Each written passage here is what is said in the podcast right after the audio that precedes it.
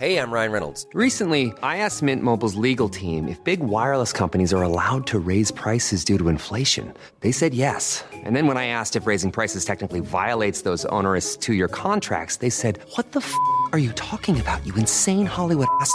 F- So to recap, we're cutting the price of Mint Unlimited from $30 a month to just $15 a month. Give it a try at mintmobile.com slash switch. $45 upfront for three months plus taxes and fees. Promo rate for new customers for limited time. Unlimited more than 40 gigabytes per month. Slows. Full terms at mintmobile.com.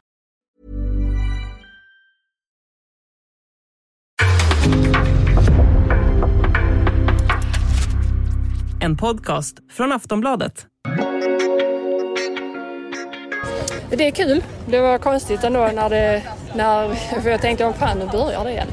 Eh, ibland tänker du att på sommaren när du ska göra de förbannade löppassen och allting och bara herregud.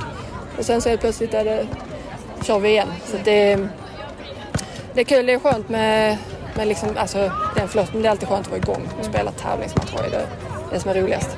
Och visst håller vi med Nilla Fischer. Det är härligt att tävlingsmatcherna och damallsvenskan är igång igen och det ska såklart uppmärksammas i en fotbollspodd som det här. Men vi snackar också om sillisommaren, hur de svenska lagen står sig i Europa och vilka spelare Gerhard som borde ge chansen i landslaget under hösten. Det dyker upp några kanske lite oväntade namn där. Dessutom så får du träffa Hammarbys nyförvärv Jonna Andersson i en längre intervju efter debuten. Det är eh, ja, men, tillbaka till damallsvenskan men ändå nytt lag. Eh, man, man känner igen spelare i motståndarlaget men det är alltid svårt och, och nervöst att komma in och eh, kanske att folk utåt sett har höga förväntningar och, det tar lite tid att, att komma in i en ny miljö. Ja, men du hör ju, du har ett fullspäckat avsnitt framför dig. Så vad väntar vi på? Nu sparkar vi igång!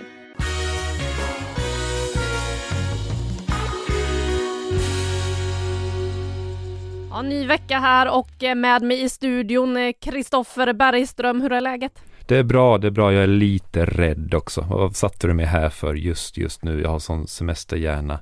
Det här är ju den serien jag egentligen bryr mig om mest av alla serier. Men det har varit så jäkla lite sport på slutet nu så jag är livrädd för dina faktafrågor som kommer snart. Ja, men det är allt för att kompensera för min egen semesterhjärna, att den inte ska synas lika tydligt. Per, rädda oss! Per, är du med oss? Ja, jag är med.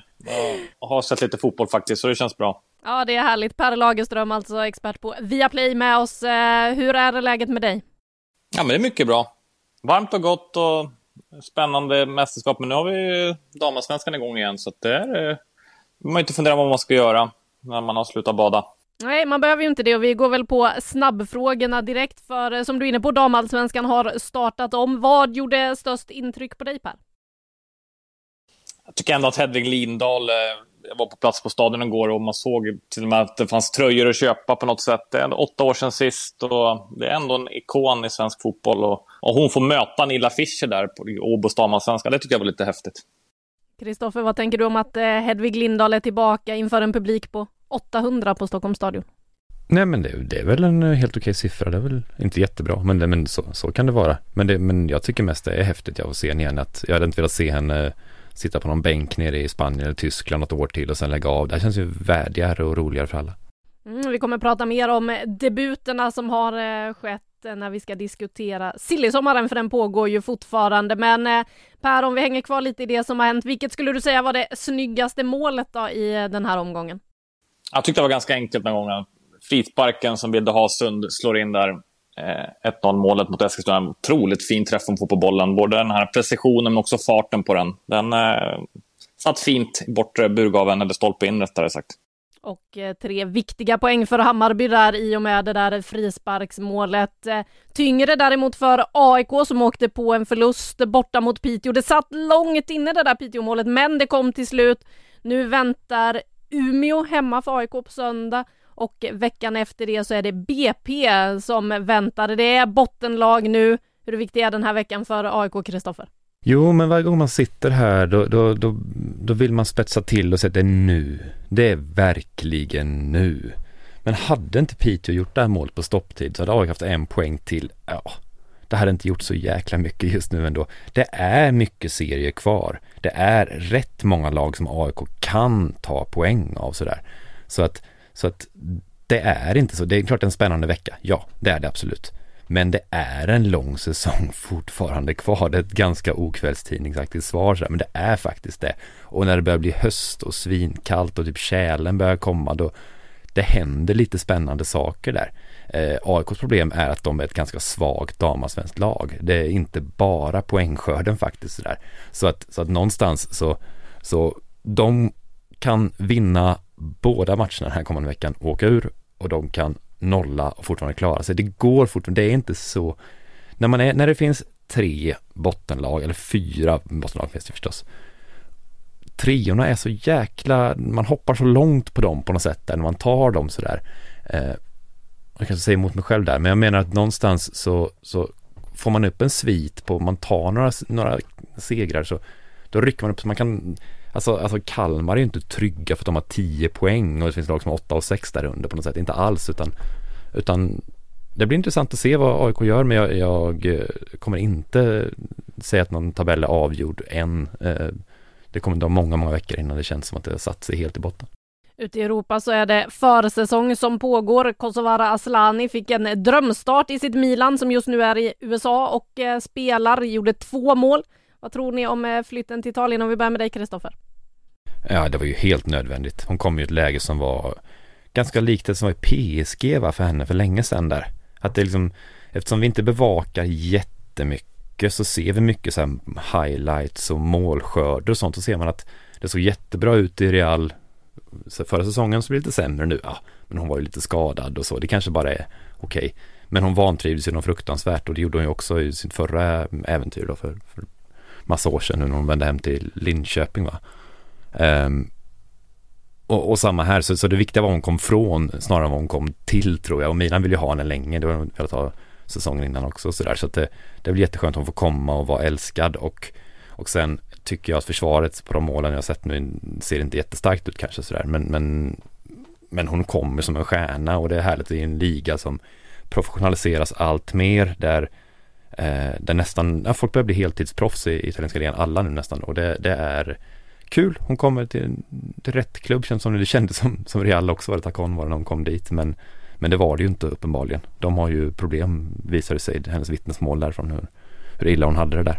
Ja, det får man säga och vi ska alldeles strax gå in på dagens första rubrik som är Silly-sommaren. Men Per, innan vi går in på den så tar vi en snabb fråga på en drömvärvning du skulle vilja se i sommar. Ja, men det, jag förväntar mig nästan att Rosengård kommer att, presentera någonting här nu innan fönstret är stängt med, med de tappen som de, jag tror de står inför. Nu såg vi Caroline Seger igår, så att eh, kan man få hem ytterligare någon landslagsspelare det är frågan. Nu är det svårt att säga vem, vem man ska kunna få loss. Sofia Jakobsson verkar trivas bra i USA, men det hade varit en spännande spelare tycker jag, sett i Obos svenska med den speeden i något av toppklubbarna. Vi får väl se vad som händer. Fönstret är ju öppet ett tag till och eh, vi går väl in då på dagens första rubrik som är Sillysommaren. för det fortsätter ju att florera rykten och hända saker runt om i fotbollsvärlden. Vi pratade om det här redan förra veckan, men enligt våra uppgifter så är det ju nu så att Jelena Cankovic är klar för Chelsea och som du var inne på Per, samtidigt kommer beskedet att Caroline Seger har opererats för sin häl. Eh, vad innebär det för Rosengård att man tappar dels Caroline Seger, hon kommer ju finnas vid sidan givetvis, men inte på planen, och så Jelena Tjankovic. Ja, det är enormt stora tapp får man nog säga. Det blir ju, de får ju formera ett helt nytt inne med ett fält. Nu har ju Cankovic klarat sig utan henne. Hon kommer ju tillbaka och var väldigt bra. Så hon, där har man ju visat att man klarar sig utan henne. Men även seger borta, båda två samtidigt, det, det är ju inte... Jag tror att det kommer bli väldigt kännbart. Man får nästan bygga, se om de kommer spela lite på samma sätt. Även fast de har skickliga spelare så är det här två spelare som är så oerhört bekväma med bollen, vill bli spelbara överallt. Så det är mycket möjligt att man kanske inte kan spela lika mycket genom det centrala mittfältet. Och det blir intressant att se om Rosengård klarar att bygga om det. Nu tror jag kanske inte att de kommer säkerligen försöka fortsätta. Men så att, eh, så med, med det, med tanke på att även Veje är borta där, så är det mycket som har hänt i Rosengårds liksom, startuppställning. Ja, verkligen. Och, och Seger är, när hon är i form, är hon seriens bästa spelare just på att fördela boll, eller styra tempo mer. Alltså dirigera och välja, vi ska ta det lugnt eller vi ska ösa på. Och, och Cankovics stora styrka tycker jag är att när det väl blir ett nedtryckt motståndarlag så kan hon luckra upp det väldigt fint. Det kanske hon är bäst i serien på att göra på många sätt där. Och tappar man båda de nycklarna, ja, som Per säger, det lutar åt ett mycket direktare spel. Att man ska liksom nästan gå på player power, att släppa lös krafterna och, och springa väldigt mycket och sådär. Och det, så, så borde man kunna vinna många matcher, men det känns inte alls som man kan kontrollera matcher på samma sätt då, som man har gjort den här säsongen. De har ju ett eh, försprång redan i tabellen, Rosengård som ju inte har startat om eh, serien eh, riktigt än. De skulle ju möta, eller de möter Häcken i den här omgången men den matchen spelas inte förrän nästa vecka så vi får väl se vad som händer och sker där. Men eh, Per, vad skulle du säga att Jelena Cankovic då tillför i Emma Hayes Chelsea? Ja, det är också väldigt spännande. Det var som jag var inne på, hon är ju otroligt som spelskicklig och, och har hög spelförståelse. Hon rör sig ju ständigt på planen och, och liksom vill ha bollen. Det är frågan då i Chelsea, tror jag. Hon kommer göra samma sak där, men hur mycket hon får bollen. I Rosengård spelar de ju bollen hela tiden till henne, vilket gör att hon kan dominera. Och när hon väl får den så har hon ju dels en individuell skicklighet att kunna dribbla sin spelare, hon kan crossbolla, hon kan spela igenom, hon kan ta, ta sig hela vägen upp. Så hon är väldigt mångfacetterad, både som central och offensiv mittfältare. Det enda som jag ser, och jag tror att hon kommer att eh, jag tror hon kommer klara sig alldeles utmärkt. Det är en sån skicklig spelare i Chelsea. Frågan bara hur ofta hon får bollen och vilka fler spelare som vill ha den där. För jag tycker Cankovic, ju mer boll hon har i en match, desto bättre blir hon. Ja, Jelena Cankovic alltså ännu inte presenterad, men enligt våra uppgifter eh, så lämnar hon eh, Rosengård för Chelsea. En annan som det ryktas om är ju Lina Hurtig som inte har anslutit till Juventus. Uppgifterna gör gällande att det är England och Jonas Eidevalls Arsenal som är och eh, rycker mest i Lina Hurtig. Kristoffer, dina reaktioner på Hurtig till England? Jag tycker det låter väldigt spännande. Jag, jag tror att Arsenal är mer tempostarkt. Jag har liksom inte sett dem ställas rakt mot Juventus så här, men det känns som att det är eh, då måste vi se den påkopplade Hurtig. När hon är som bäst så är hon en världsspelare liksom så här, och det är jättekul. Jag hoppas hon kan hoppas hon kan växa ännu mer med den här uppgiften. Jag tycker att det känns som ett steg uppåt fast, fast jag vet vad Juventus gör i italienska ligan och sådär. Så jag hoppas det blir av. Jag, jag vill se det. Och tittar man på vad hon själv säger så vill hon ju gärna spela ute till vänster. Om man då tittar vad Arsenal har för andra spelare så har man en Stina Blackstenius centralt, typ droppande bakom henne, Vivian Miedema ute till höger, en Beth Mead. Det är en hyfsad miljö att komma till Per. Ja, en hyfsad miljö och, och framförallt, men jag tycker ändå, jag gillar också det som tänker på samma sätt som Kristoffer. Jag tycker att det steg upp. Kanske inte för Juventus, är, som i sig är ett bra lag. Arsenal är i sig ännu bättre, vill jag påstå. Men ligan och konkurrensen i matcherna, tempo, tempot i matcherna. Dels liksom många bra matcher, kommer behöva försvara väldigt hårt, kommer behöva jobba mycket ännu intensivare, kanske både med omställningar, även om Arsenal kommer att föra spelet. Det tror jag kommer, om man får vara lite egoistisk, att gynna även svenska damlandslaget. Jag tror det kommer att vara bra för Lina Hurtig om hon kommer hit få jobba i den miljön och kanske utvecklas ännu ett steg som spelare. Och då, för vi vet vad hennes högsta nivå är, det är väl bara att få in det hela tiden. Så det här ska vara väldigt, jag tycker det väldigt lovande, både för henne själv men också för svenska damlandslaget och få se henne i en ny liga här nu. Ja, för jag undrar om hon har den sista, sista nivån. Hon, hon, det finns en viss likhet med Sofia Jakobsson, inte alls i spelstil egentligen, både offensiva bara, men i det här att man har sett topp topparna och man blir så himla sugen på att se att det ska vara en sån spelare som är så bra. Alltså det ska vara Rolfö, Blackstenius och Hurtig nästan är på den nivån när allting klaffar liksom.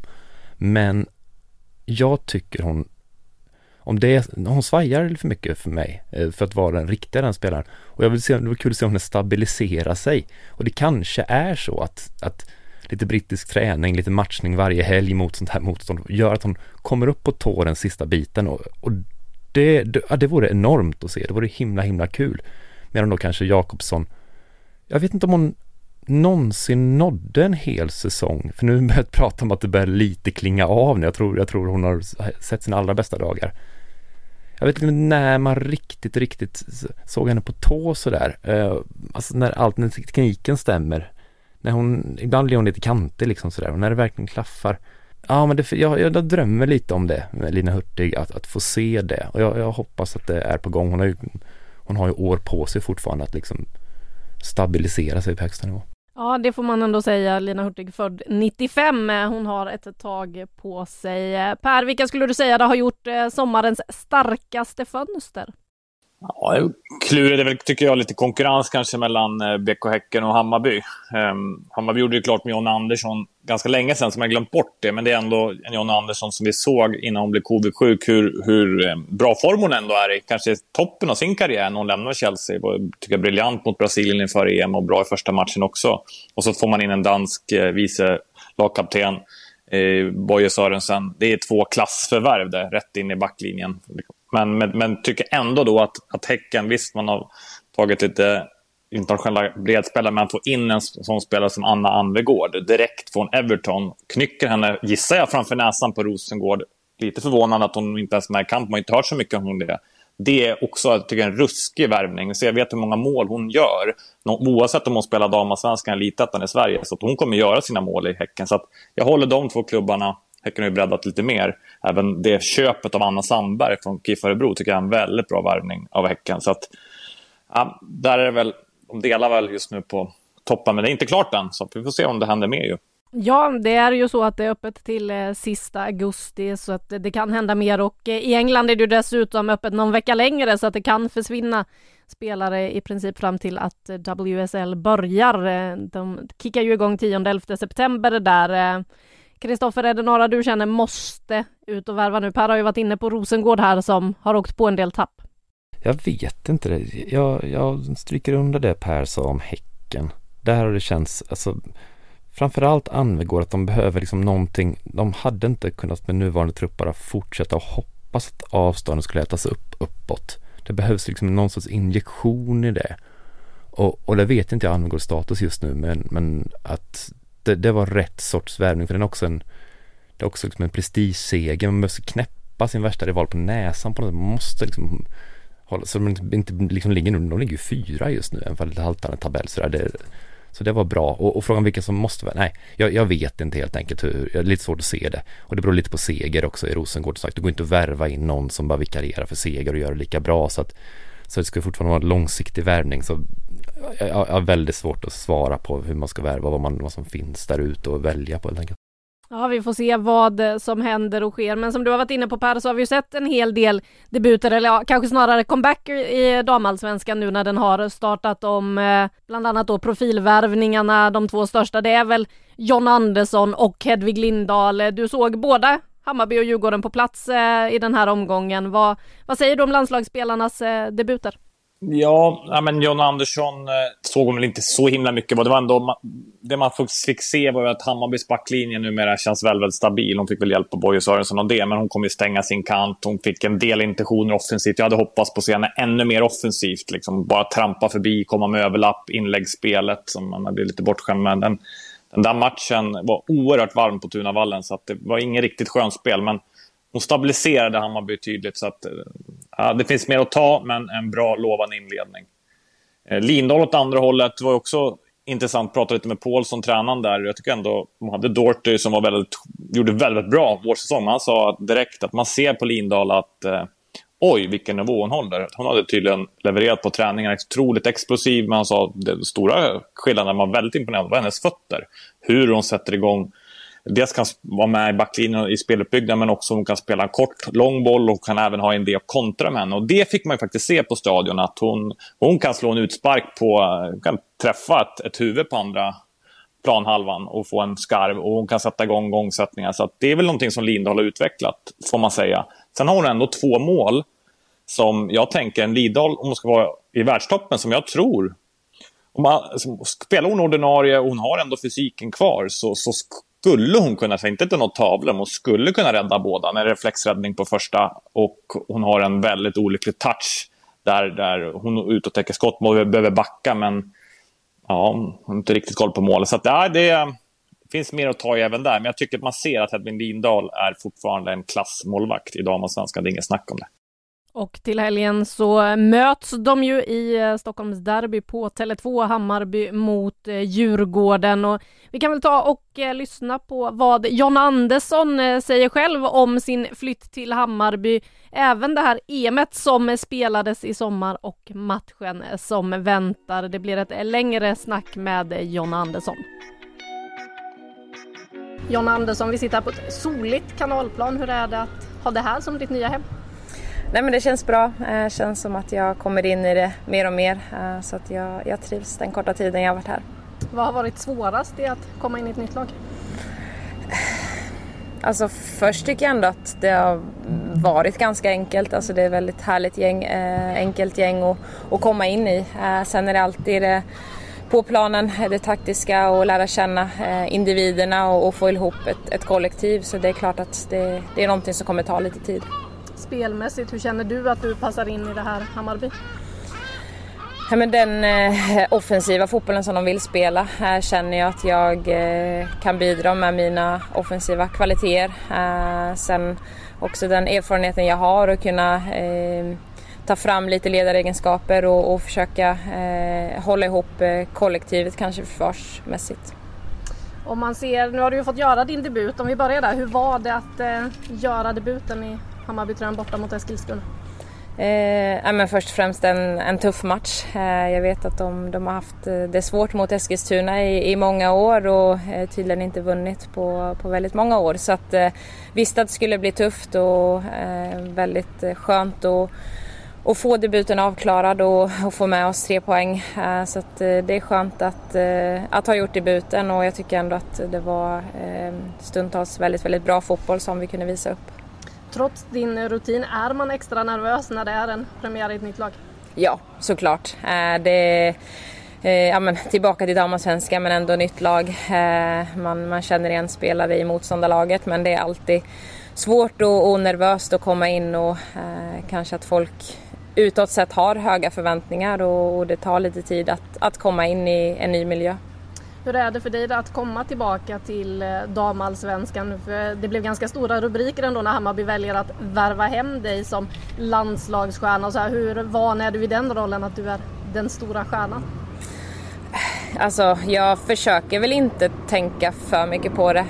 Jag eh, försöker komma hit och bidra med det jag kan. Sen absolut så så som jag sa så kan det ställas eh, höga krav och, och vara väldigt stora förväntningar på, på mig som spelare. Eh, och jag vet att eh, eh, de vill att jag ska ta ett stort ansvar och, och kunna utnyttja ledaregenskaper och det eh, är min förhoppning att jag kan göra det och utveckla det också. Eh, sen ska jag försöka att spela min fotboll och, och visa de kvaliteterna jag kan och försöka bidra så mycket som möjligt till, till laget. Hur trivs du med det där att ta ledarrollen och visa upp dina ledaregenskaper? Nej men eh, jag tycker alltid att jag, framförallt de senaste åren, har haft det i mig eh, och jag gillar, jag, jag är taktisk, går in i detaljer och gillar att försöka lösa eh, situationer på plan, i träning eller i match och, och gillar att analysera och kolla klipp så att jag tycker ändå att det är en, en roll som jag trivs med och är väldigt öppen för diskussion och för att göra mig och, och laget bättre. Taktiskt då, har du tittat någonting på vad du tycker att ni satte igår mot Eskilstuna som ni kan ta med er in i den här hösten? För det är ju så att Hammarby ligger kanske lite längre ner än vad många hade trott inför säsongen. Ja men jag har nu på morgonen kollat eh, tillbaka på matchen och, och, det är klart att eh, det är alltid svårt när det är en match gjord och, och man behöver nå några träningar och, och matcher för att eh, ja, bli kritisk och kolla på, på detaljer men absolut, jag, jag tycker ändå att vi framförallt första halvlek eh, spelar bra, bra fotboll och eh, sen, sen, finns det detaljer att, jobba på och framförallt kanske andra halvlek där vi behöver eh, göra saker bättre för att eh, det inte ska straffa oss vilket eh, bättre lag eller om vi har en, en sämre dag så, så kan det straffa oss. Vad har du för intryck så här långt då av Hammarby som klubb? Eh, nej men bra intryck. Eh, jag tycker att jag eh, kommit in i det väldigt snabbt och fått den hjälpen jag behöver på utanför planen. Eh, så det är en, en klubb som eh, är på väg uppåt på damsidan och har visat att de, de vill satsa och eh, nu är det eh, andra halvan av säsongen som eh, det är klart att vi vill komma så högt vi kan och ta så mycket poäng som möjligt men det kanske är att börja bygga någonting för nästa säsong kunna satsa ännu, ännu mer. Så att eh, det, det har varit en, en bra start och förhoppningsvis så fortsätter det eh, i rätt riktning. Hur ser du på kampen som är idag om topplaceringarna i den här serien? För det är jämnt, det är tätt, kanske tätare än vad många hade trott i och med att Häcken då kanske inte heller har levererat riktigt det vad folk hade väntat sig inför. Nej, men jag tycker det är roligt. Eh, jag tycker det, det, är kul att man vet att man går in i en match och eh, nästan vad som helst kan hända och det, det kommer bli tajta matcher oavsett eh, motstånd. Eh, så att eh, spännande höst att se fram emot och som du säger det, det är tajt och även om vi eh, ligger, om man säger nästan mitten i tabellen så är det inte många poäng upp. Eh, så att det, det är roligt att eh, det, det, lever in i det sista framförallt på, på de topp 3-4 placeringarna. Vi ska snart eh, snacka om det som väntar din hemmadebut som ju inte blir här på Kanalplan utan på Tele2 med derbyt mot Djurgården. Men först, du har ju haft en intensiv sommar, det har varit ett EM i England. Eh, har du hunnit landa efter det äventyret? Ja, men det har jag väl ändå gjort, framförallt nu när vi ändå har fått debuten i Hammarby och kunnat eh, lägga fullt fokus på, på klubblag. Eh, sen blev mästerskapet eh, för egen del väldigt hackigt med eh, lite känning i vaden inför, eller efter första matchen och sen isolerad med corona så att eh, ett väldigt hackigt mästerskap eh, individuellt för mig. Eh, sen såklart eh, lagmässigt så, så hade vi velat gå hela vägen men ett ett mästerskap som man ändå eh, kan ta med sig på många sätt och otroligt roligt att det var eh, så stort och så många bra eh, nationer och det visar bara att damfotbollen går framåt. Ja, men hur ser du på ditt eget EM? För du, som du säger, det var hackigt. Det var varannan match så var John. Andersson med. Du börjar med att göra det första målet för Sverige, sen kommer den där känningen, sen är du tillbaka, sen kommer Corona. Liksom. Hur var det för dig? Nej men det var tufft.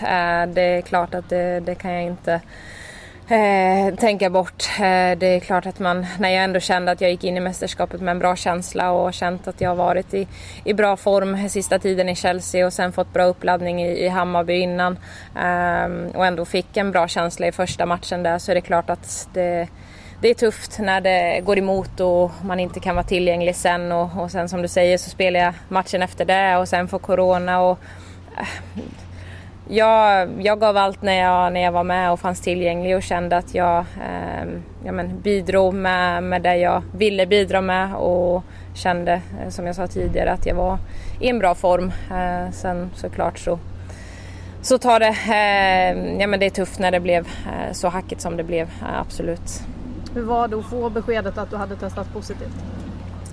Jag vaknade på, på natten och, och, hade det tufft med andningen så att jag, eh, när jag ringde läkaren så var det såklart att jag, jag var förberedd på att jag hade fått det och vi, vi hade ju ett par fall redan innan där så att eh, ehm, jag, jag var förberedd på det men det är klart att när man får det bekräftat så är det tufft. Och, eh, sen, sen var jag, eh, ja, men, hade lite tufft med, med andningen första dagarna men sen satt jag fyra dagar och kände mig helt frisk och, och, ville bara vänta på ett negativt resultat. Så det var väl det som också var eh, frustrerande och var isolerad även fast jag kände mig eh, helt redo att träna och spela match.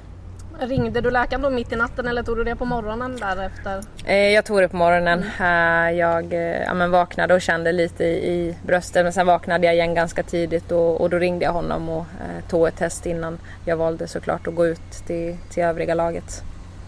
Och du som du var inne på där, du sitter och känner dig helt frisk. Hur är det att sitta isolerad på ett rum? För ni var ju tre spelare i alla fall som satt isolerade där eh, samtidigt och inte fick vara med resten av gänget. Men när man ändå känner sig frisk och det är ett EM. Nej, det är jättefrustrerande. Eh, sen också veta att är du en privatperson så går du ut när du är symptomfri och, och den grejen att veta att, eller känna att man känner sig frisk, det, det är klart att det är frustrerande men nu, nu fanns de reglerna att man behövde eh, testa negativt och det fanns inte så mycket att att göra. Eh, så att det är klart att det var tufft men jag fick eh, eh underhålla mig med pyssel och och sådana grejer och eh, försöka prata med lagkamraterna och få energi därifrån och sen bara vänta på, på negativa resultatet.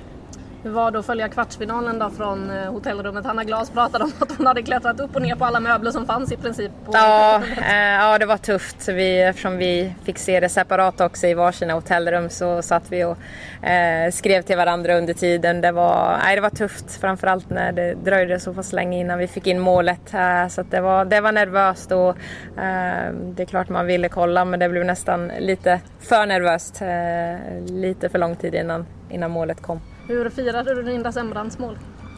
Ja, men, eh, vi, jag satt ju först i sängen och sen bara mm, skrek av glädje och sen när slutsignalen var så ringde vi, eh, vi som satt isolerade på Facetime och fick även liten, lite kontakt med dem på arenan så att eh, vi, vi försökte göra det bästa av situationen och, och fira tillsammans ändå. När fick du sen ditt negativa besked? För alla stod ju där och väntade när bussen rullade in till semifinalen och räknade in och så bara där, där, där, där är John Andersson! Nej, det var samma dag.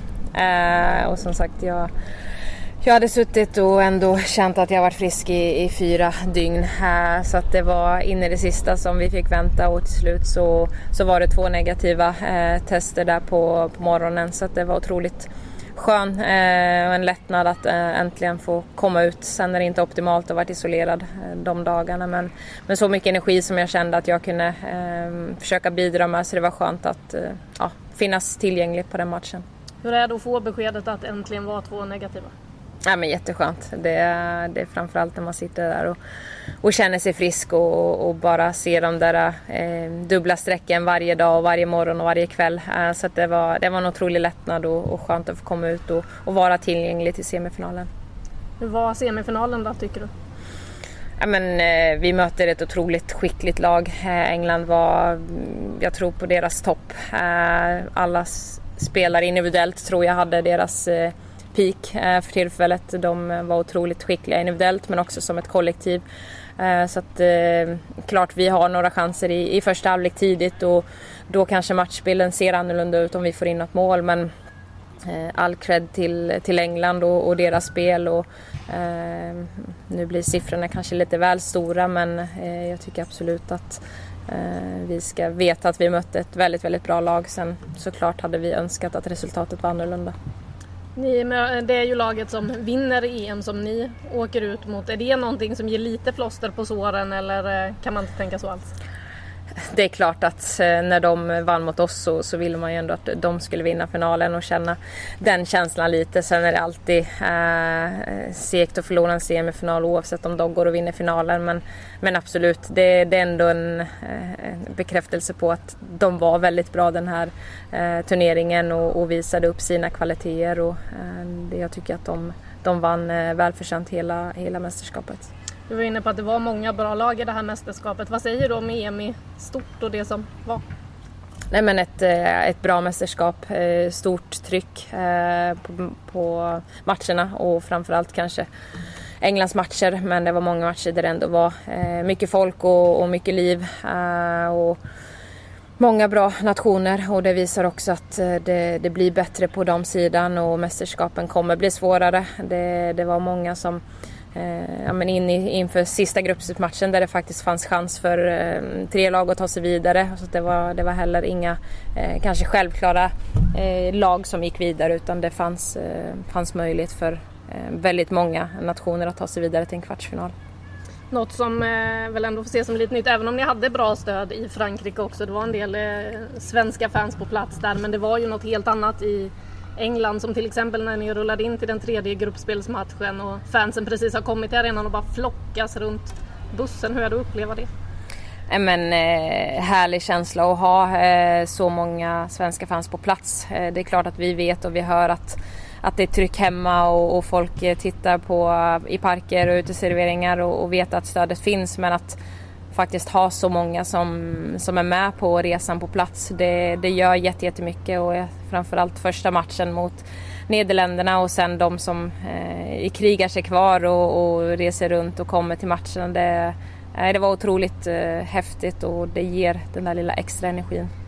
Nu är det ju inga tävlingsmatcher som eh, betyder någonting för er del eh, eftersom ni redan är VM-klara. Det är en VM-kvalmatch mot Finland som ska spelas men för er del är ni ju redan VM-klara. Hur tror du det påverkar inför ett VM? Peter var inne på att då kanske ni kan matcha mot lite tuffare lag förhoppningsvis i träningslandskampen.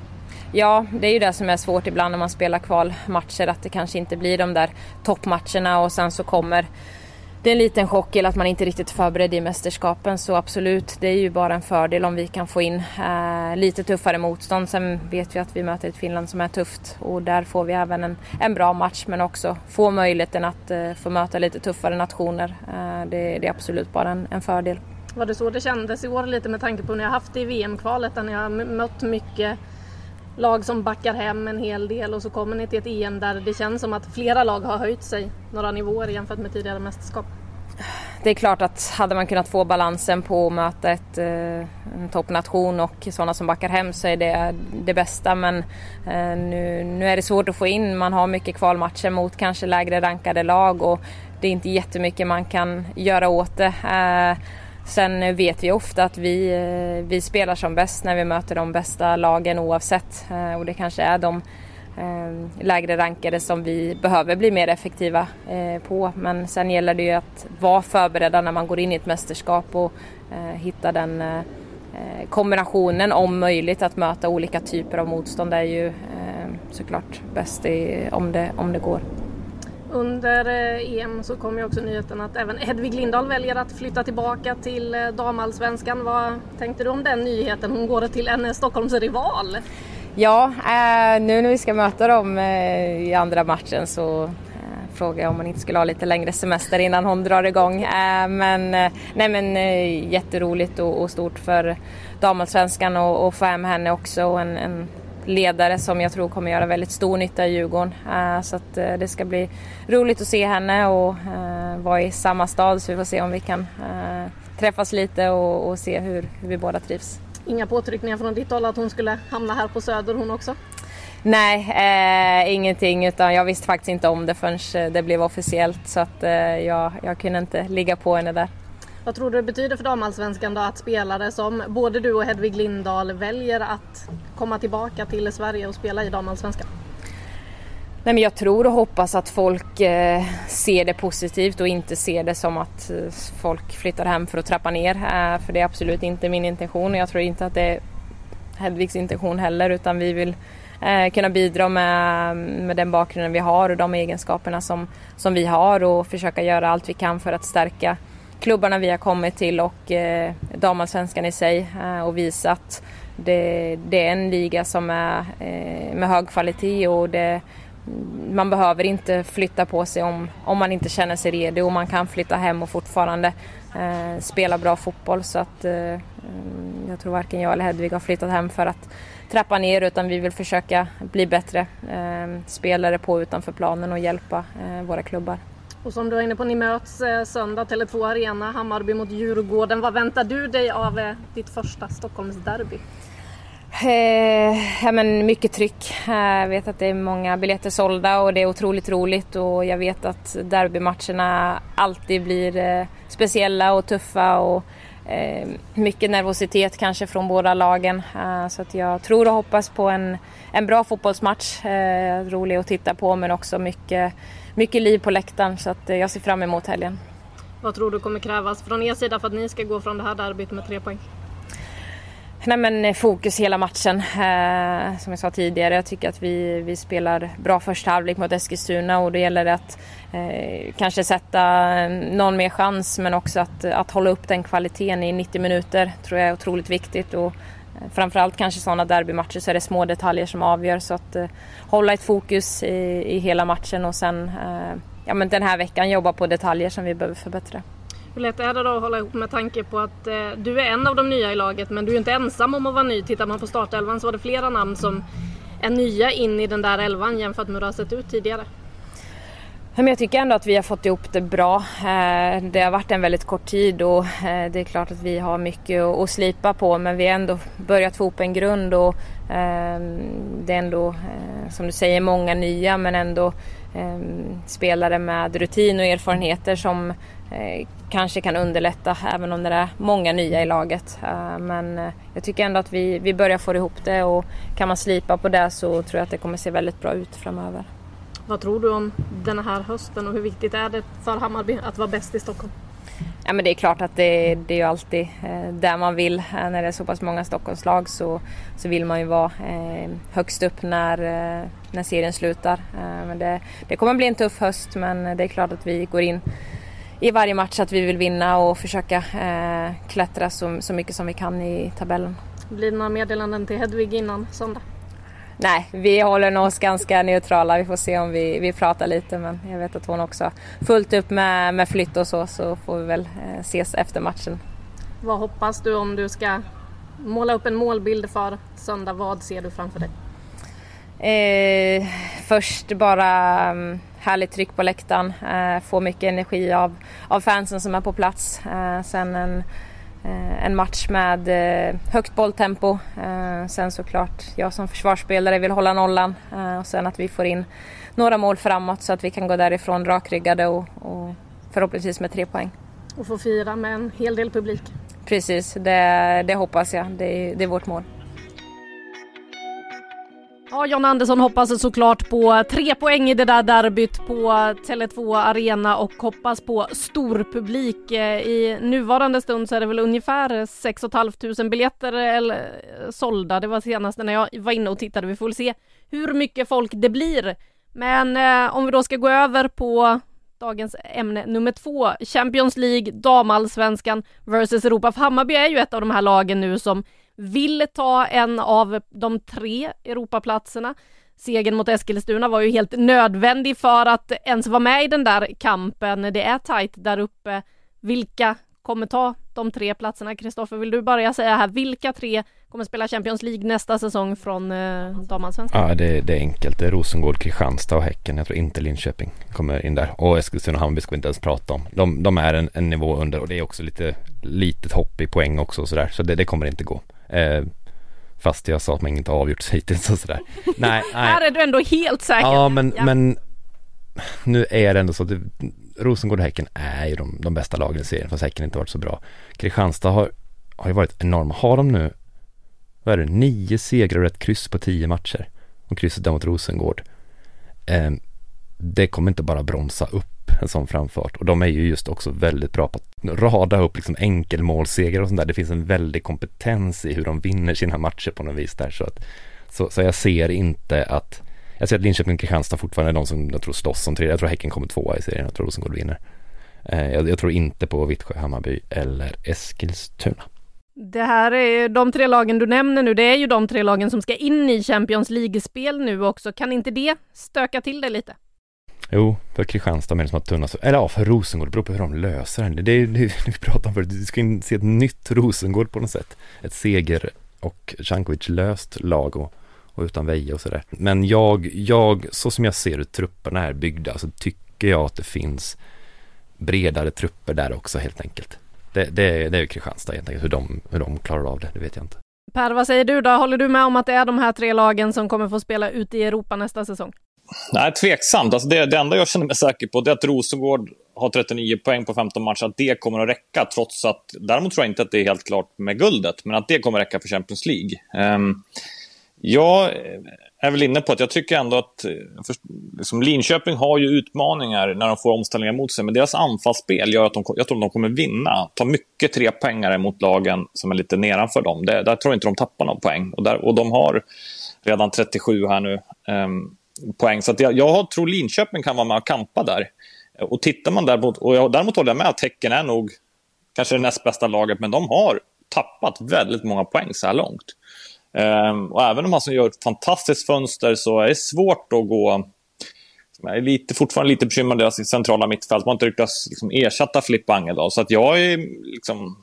Klart att de ska klara det, men, men måste jag tippa nu med de trupperna som finns då skulle jag säga Rosengård, Kristianstad, Linköping som, som det ser ut. Och att Häcken faktiskt missar Champions League. Och skulle det vara en bubblare så är det Hammarby som eh, jag tror de kommer komma före eh, Eskilstuna. Men jag tror in, samma sak här. De har tappat för mycket poäng. De här tre lagen, eller om det blir fyra som jag tror det kommer handla om i slutet. Det, du hinner inte kapp.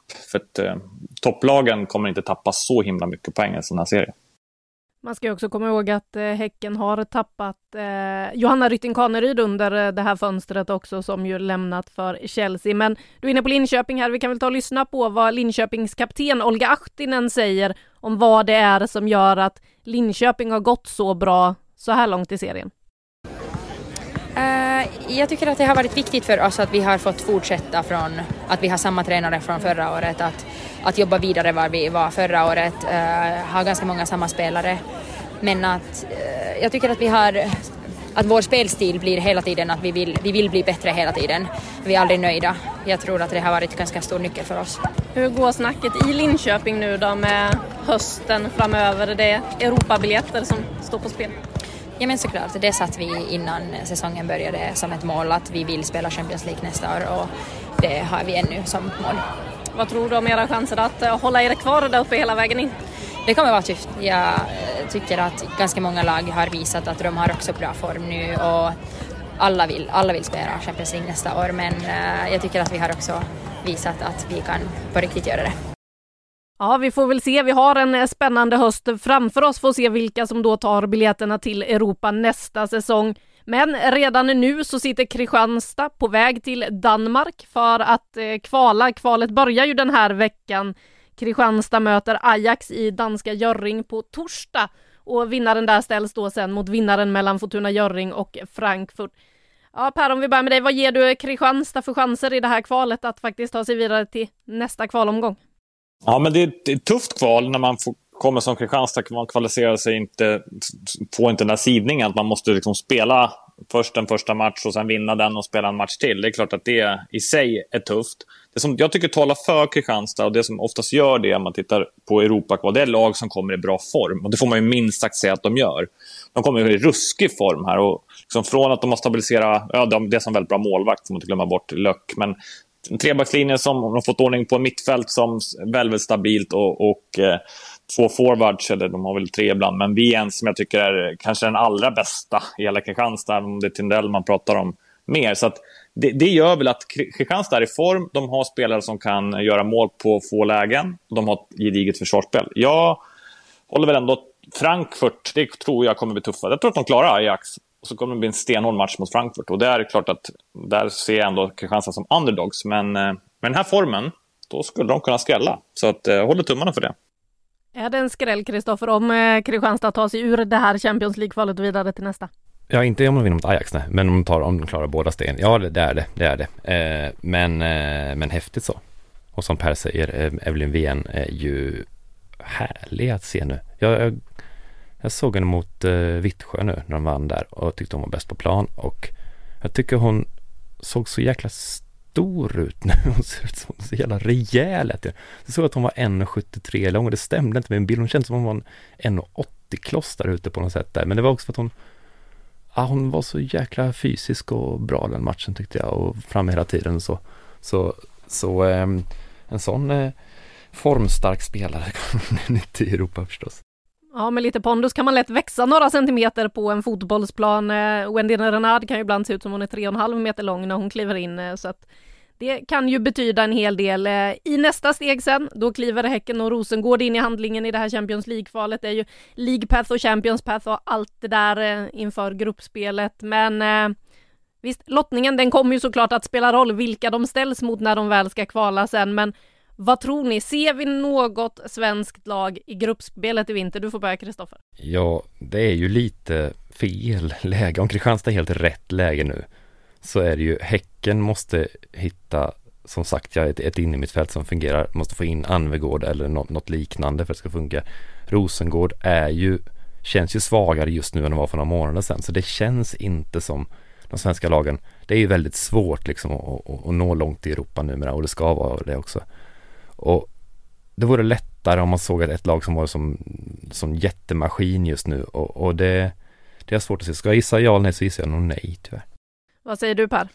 Ja, tyvärr benägen att hålla med. Jag hade trott, om man tittar på Rosengårds vår här sen, som hade inte alla spelare tillgängliga och nu har de kunnat få värva lite grann, så hade de kunnat, behålla, de kunnat behålla Seger, Cankovic och Veje. Då hade jag verkligen tyckt att eh, det var ju en maskin i Rosengård. Jag är imponerad på mig på vårsäsongen. Och då, de har ju pratat om att i år så ska de verkligen ta sig vidare in i gruppspel i Champions League. Det var tydligt liksom, från start. Eh, men, men som sagt, med de här tappen och utan att se, visst det kommer in, har kommit in en par spännande spelare men inte i samma dignitet. Då, är, då liksom tar det lite tid att bygga ett spel. Det är klart att de kan få ihop det, för när allting stämmer, då är Rosengårds högsta nivå där. Och det, så är det väl i Häcken också, men det, just nu är det, känns det tufft. Eh, däremot skulle det vara väldigt, väldigt viktigt tror jag, för damallsvenskan att vi får lag i gruppspelet.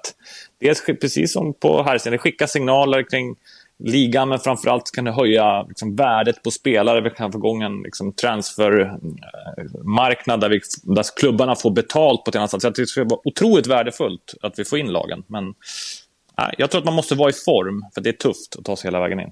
Mm, vi får se då. Det är ju alltså först nästa steg som Häcken och eh, Rosengård kliver in i handlingen.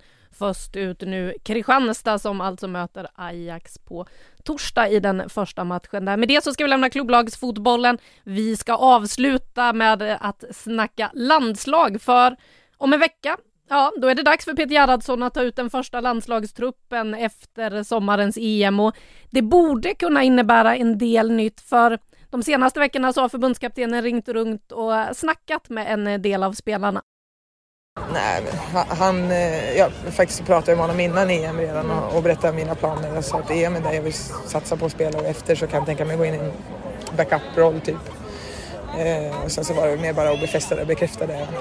Och, men han sa inte att jag var ute ur racet på något sätt utan han sa att det kommer bli en eh, utvecklingsperiod när han testar lite nu och då kanske inte jag har samma behov att jag måste åka varje gång. Men att vi pratar och vill jag åka eller är bra nog för att åka så, så kan han ta ut mig liksom. Men jag ser ju att det finns fördelar med att inte åka varje gång. Att få vila faktiskt. För att om det ska vara så här jobbigt, då måste jag vila lite. Så ja, nej, det känns faktiskt ganska bra. Och det jag tycker är rätt att man måste testa de andra målvakterna, Det håller jag helt med. Och jag hade ju öppnat för det redan innan EM. Så. Ja, där hörde vi alltså Hedvig Lindahl om beslutet att lämna platsen som första målvakt i landslaget. Som vi har varit inne på tidigare så har Caroline Seger opererats och är out ett tag framöver. Vad innebär det här för landslaget, Kristoffer? Eh, medelåldern sjunker en aning. Ja, det behöver inte betyda så jättemycket. Jo, för Hedvig, att hon försvinner, det, det förändrar väldigt, väldigt mycket i försvaret förstås. Man måste ha in en ny given etta och det finns ju ingen självklar etta nu eftersom hon har varit det under så lång tid ju. Eh, Seger var ju borta under EM också och det, det var ju nästan, nej det var inte, det var inte bra för laget, det var det inte. Men det var ändå, det såg vi ganska tydligt att det finns liksom så mycket fart och, och vi har så bra offensiva spelare att det inte, hon faktiskt saknades inte jättemycket när hon var borta, jag tycker inte det, utan det var inte där eh, som gjorde att Sverige kanske inte eh, tog det sista steget under EM och sådär. Men det, när vi pratar om de här veteranerna så tycker jag liksom att man måste se det från två håll. Jag är så glad att de fortfarande är uttagningsbara på något sätt. Det tycker jag är helt rätt av spelarna av Hedvig och ja, Seger när hon nu är tillbaka igen sådär. Det är himla fint. Man kan diskutera det och så kan man diskutera om Gerhardsson ska ta ut dem. Det är inte riktigt samma sak. Så det blir spännande att se vad, vad, vad Gerhardsson gör här. Men jag tycker det är fint att, att, att till och med Nilla va, också är uttagningsbar i landslaget just nu. Det, det, är ju, det är ju kul att de, de ser det så. Ja, vi kan väl ta innan du får svara Per och lyssna på vad Nilla Fischer själv säger, för hon har också haft snack med Peter Gerhardsson inför den kommande uttagningen. Vi har haft lite kontakt, men vi ska ha mer kontakt. Så får vi se. Jag fokuserar först och främst liksom på, på att göra det bästa i, Linköping och sen det är många, alltså ett så måste jag vara tillräckligt bra för att bli uttagen har jag alltid sagt och Peter ska vilja ha med mig, jag ska få ihop allting och eh, så vi får se. Eh, I dagsläget så, så vet jag inte hur det blir. Vad känner du själv då? Känner du dig sugen på mer landslagsspel eller vad? hur går tankarna efter den här sommaren?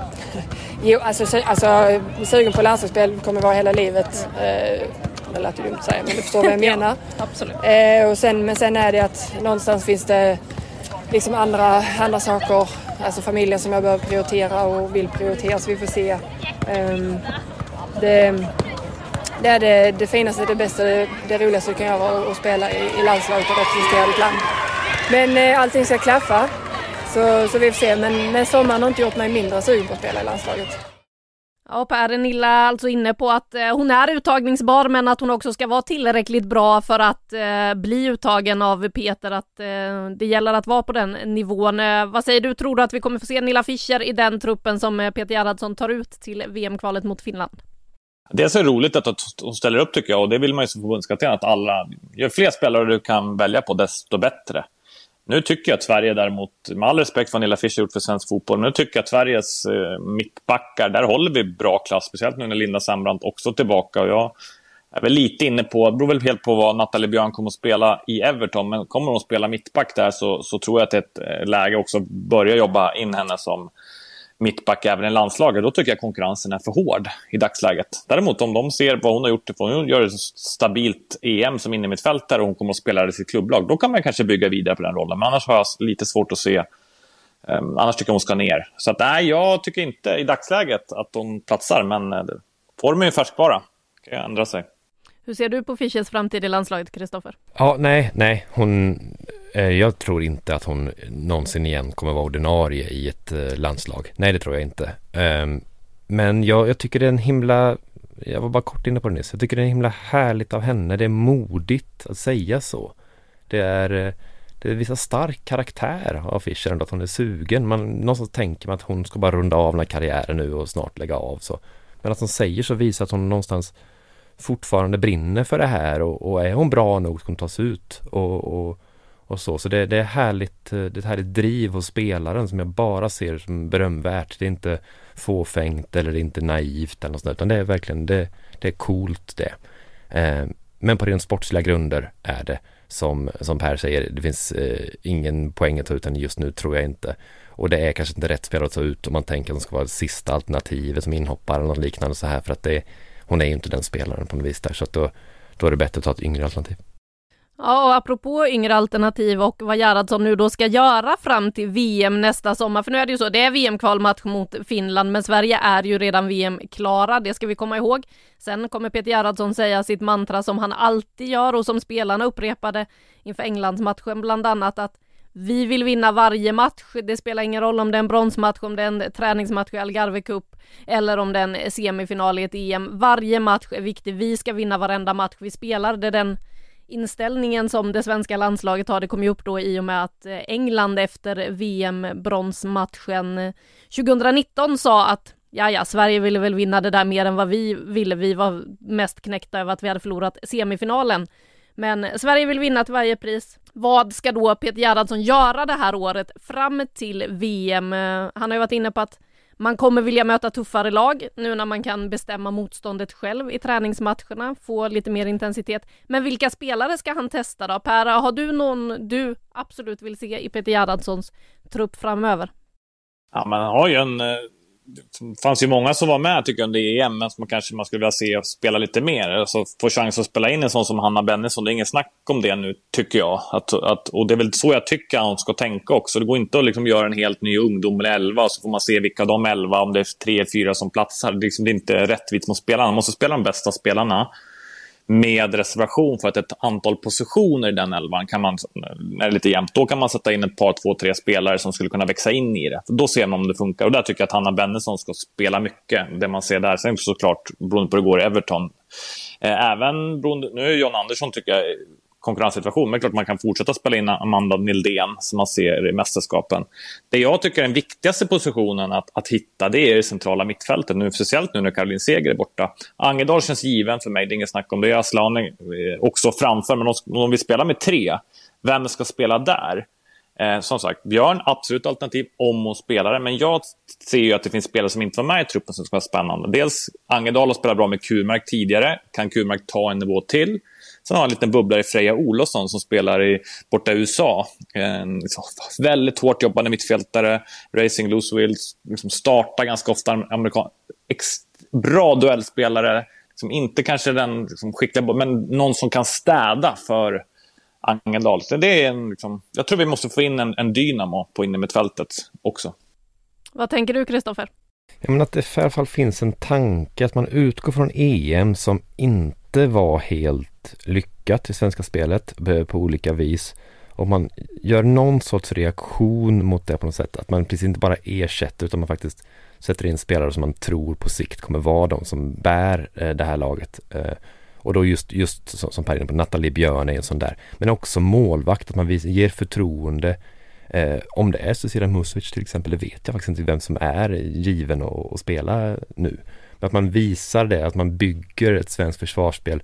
Att man inte ser en målvakt som någon som motar bollar utan någon som också är med med fötterna och, och dirigerar och, och skapar en liten trygghet där på något vis där vi måste Ja men det är ett jättehål Hedvig lämnar efter sig. Vi får liksom inte glömma det. Det är inte, det är inte bara liksom hon är inte bara sina straffräddningar och eventuella misstag ibland. Hon är mycket mer än så vad hon har gjort i landslaget. Och, och det måste ersättas och det måste göra det liksom tydligt med ett lugn och trygghet och förtroende så som precis som det som Hedvig fick igen kan man säga efter det här. Ja, efter fram till 2011 och där så, så försvann hon ju lite ur, ur bilden och kom tillbaka sen och visade, hon fick ett lugn och en trygghet både under Pia och sen under Gerhardsson. Den sortens förtroende måste se om en mål, målvakt kan växa med och få en given etta igen för att vi eh, man ska inte hatta för mycket med landslagskeeper och, och det är ett jätteansvar som jag inte riktigt vet om någon är mogen för just för att det har varit så självklart att vem som ska stå. Apropå Hedvig eh, så kan vi också bara notera att det i dag eh, är exakt sex år sedan du och jag var på Maracana, Kristoffer, och såg henne slå ut ja. Brasilien tillsammans med resten av det svenska landslaget i semifinalen. Tysta, ett helt, en hel värdnation. Där ser man. Det dök upp i mina minnen på ja. Snapchat här under Jaha, dagen. Eh, Jaha, Sånt som är härligt att bli påmind om. Men Per, vem tycker du ska stå då? Väldigt bra fråga. Ehm, jag tycker nog att Falk ska stå om förutsatt att inte Musovic eh, spelar mer än vad hon får göra. Däremot så har jag förstått det och jag tycker också det är väldigt jämnt mellan de två. Så att jag hade, eh, men jag, jag, på något sätt så tror jag den här spela från vecka till vecka, tajmingen när de avgörande matcherna blir viktig. Men ja, det är de två som det står emellan. Sen när vi pratar där så kan man också tänka på att det finns ju läge också däremot att kanske, kanske inte starta men slänga in lite mer spelare också, liksom titta i truppen. Och där, det så har man ju, glömt jag, Rebecka Blomqvist, vi ser en av de minuterna hon fick till EM, hur vass hon var. Hon spelar ett Wolfsburg som går som en maskin. Det tycker jag hon tycker också man ska ge mer speltid. Så lite spännande nu beroende på hur det går såklart i Rosengård, men vi är supertalangen Bea Sprung. Jag tänker på Matilda Winberg som startar nu i Hammarby med den här konkurrensen. Sätter trotjänaren på bänken. Det är två spelare även Sandberg till Häcken, tre Som F19-spelare och Sprung är ännu yngre. Som det skulle vara spännande att se, i alla fall på en samling och så får de bedöma hur bra de är. Jag tror att det kan gå, ibland kan det gå väldigt, väldigt snabbt för en ung spelare. Och då är det ett år till ett mästerskap och då kan du ha en bubblare bland någon av dem. Dessutom så verkar det väl som att vi har Rosa Kafaji på väg tillbaka i BK Häcken också.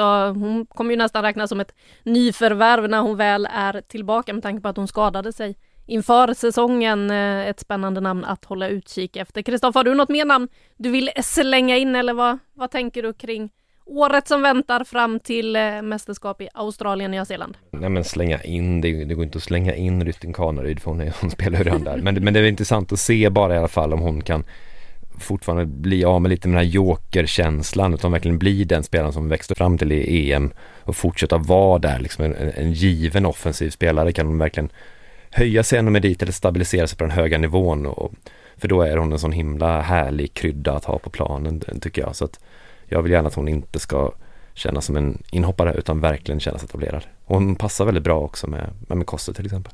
Ja, deras samspel funkade ju fint under EM och det pratade de mer än gärna om. Med det hörni så närmar vi oss slutet. Det är väl bara då att vi ska dela ut fem plus till någonting den här veckan också. Är det någon av er som har fem plus i bakfickan?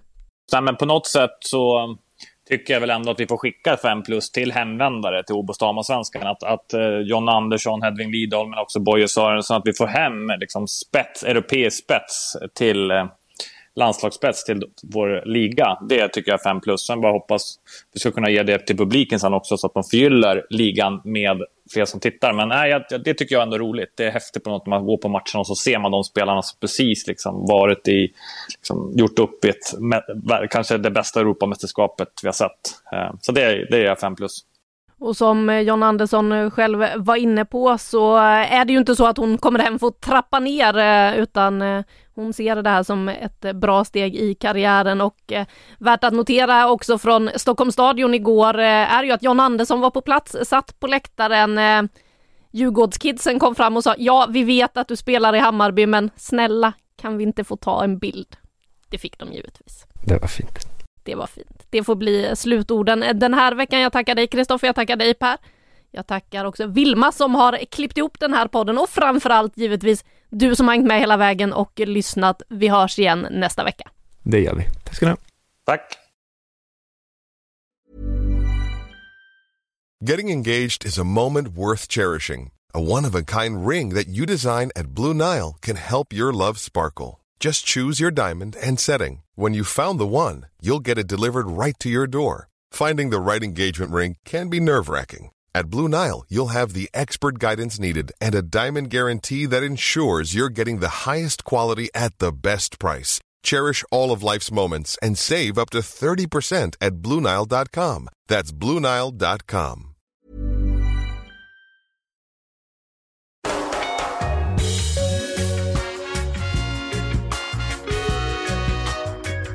Du har lyssnat på en podcast från Aftonbladet. Ansvarig utgivare är Lena K Samuelsson.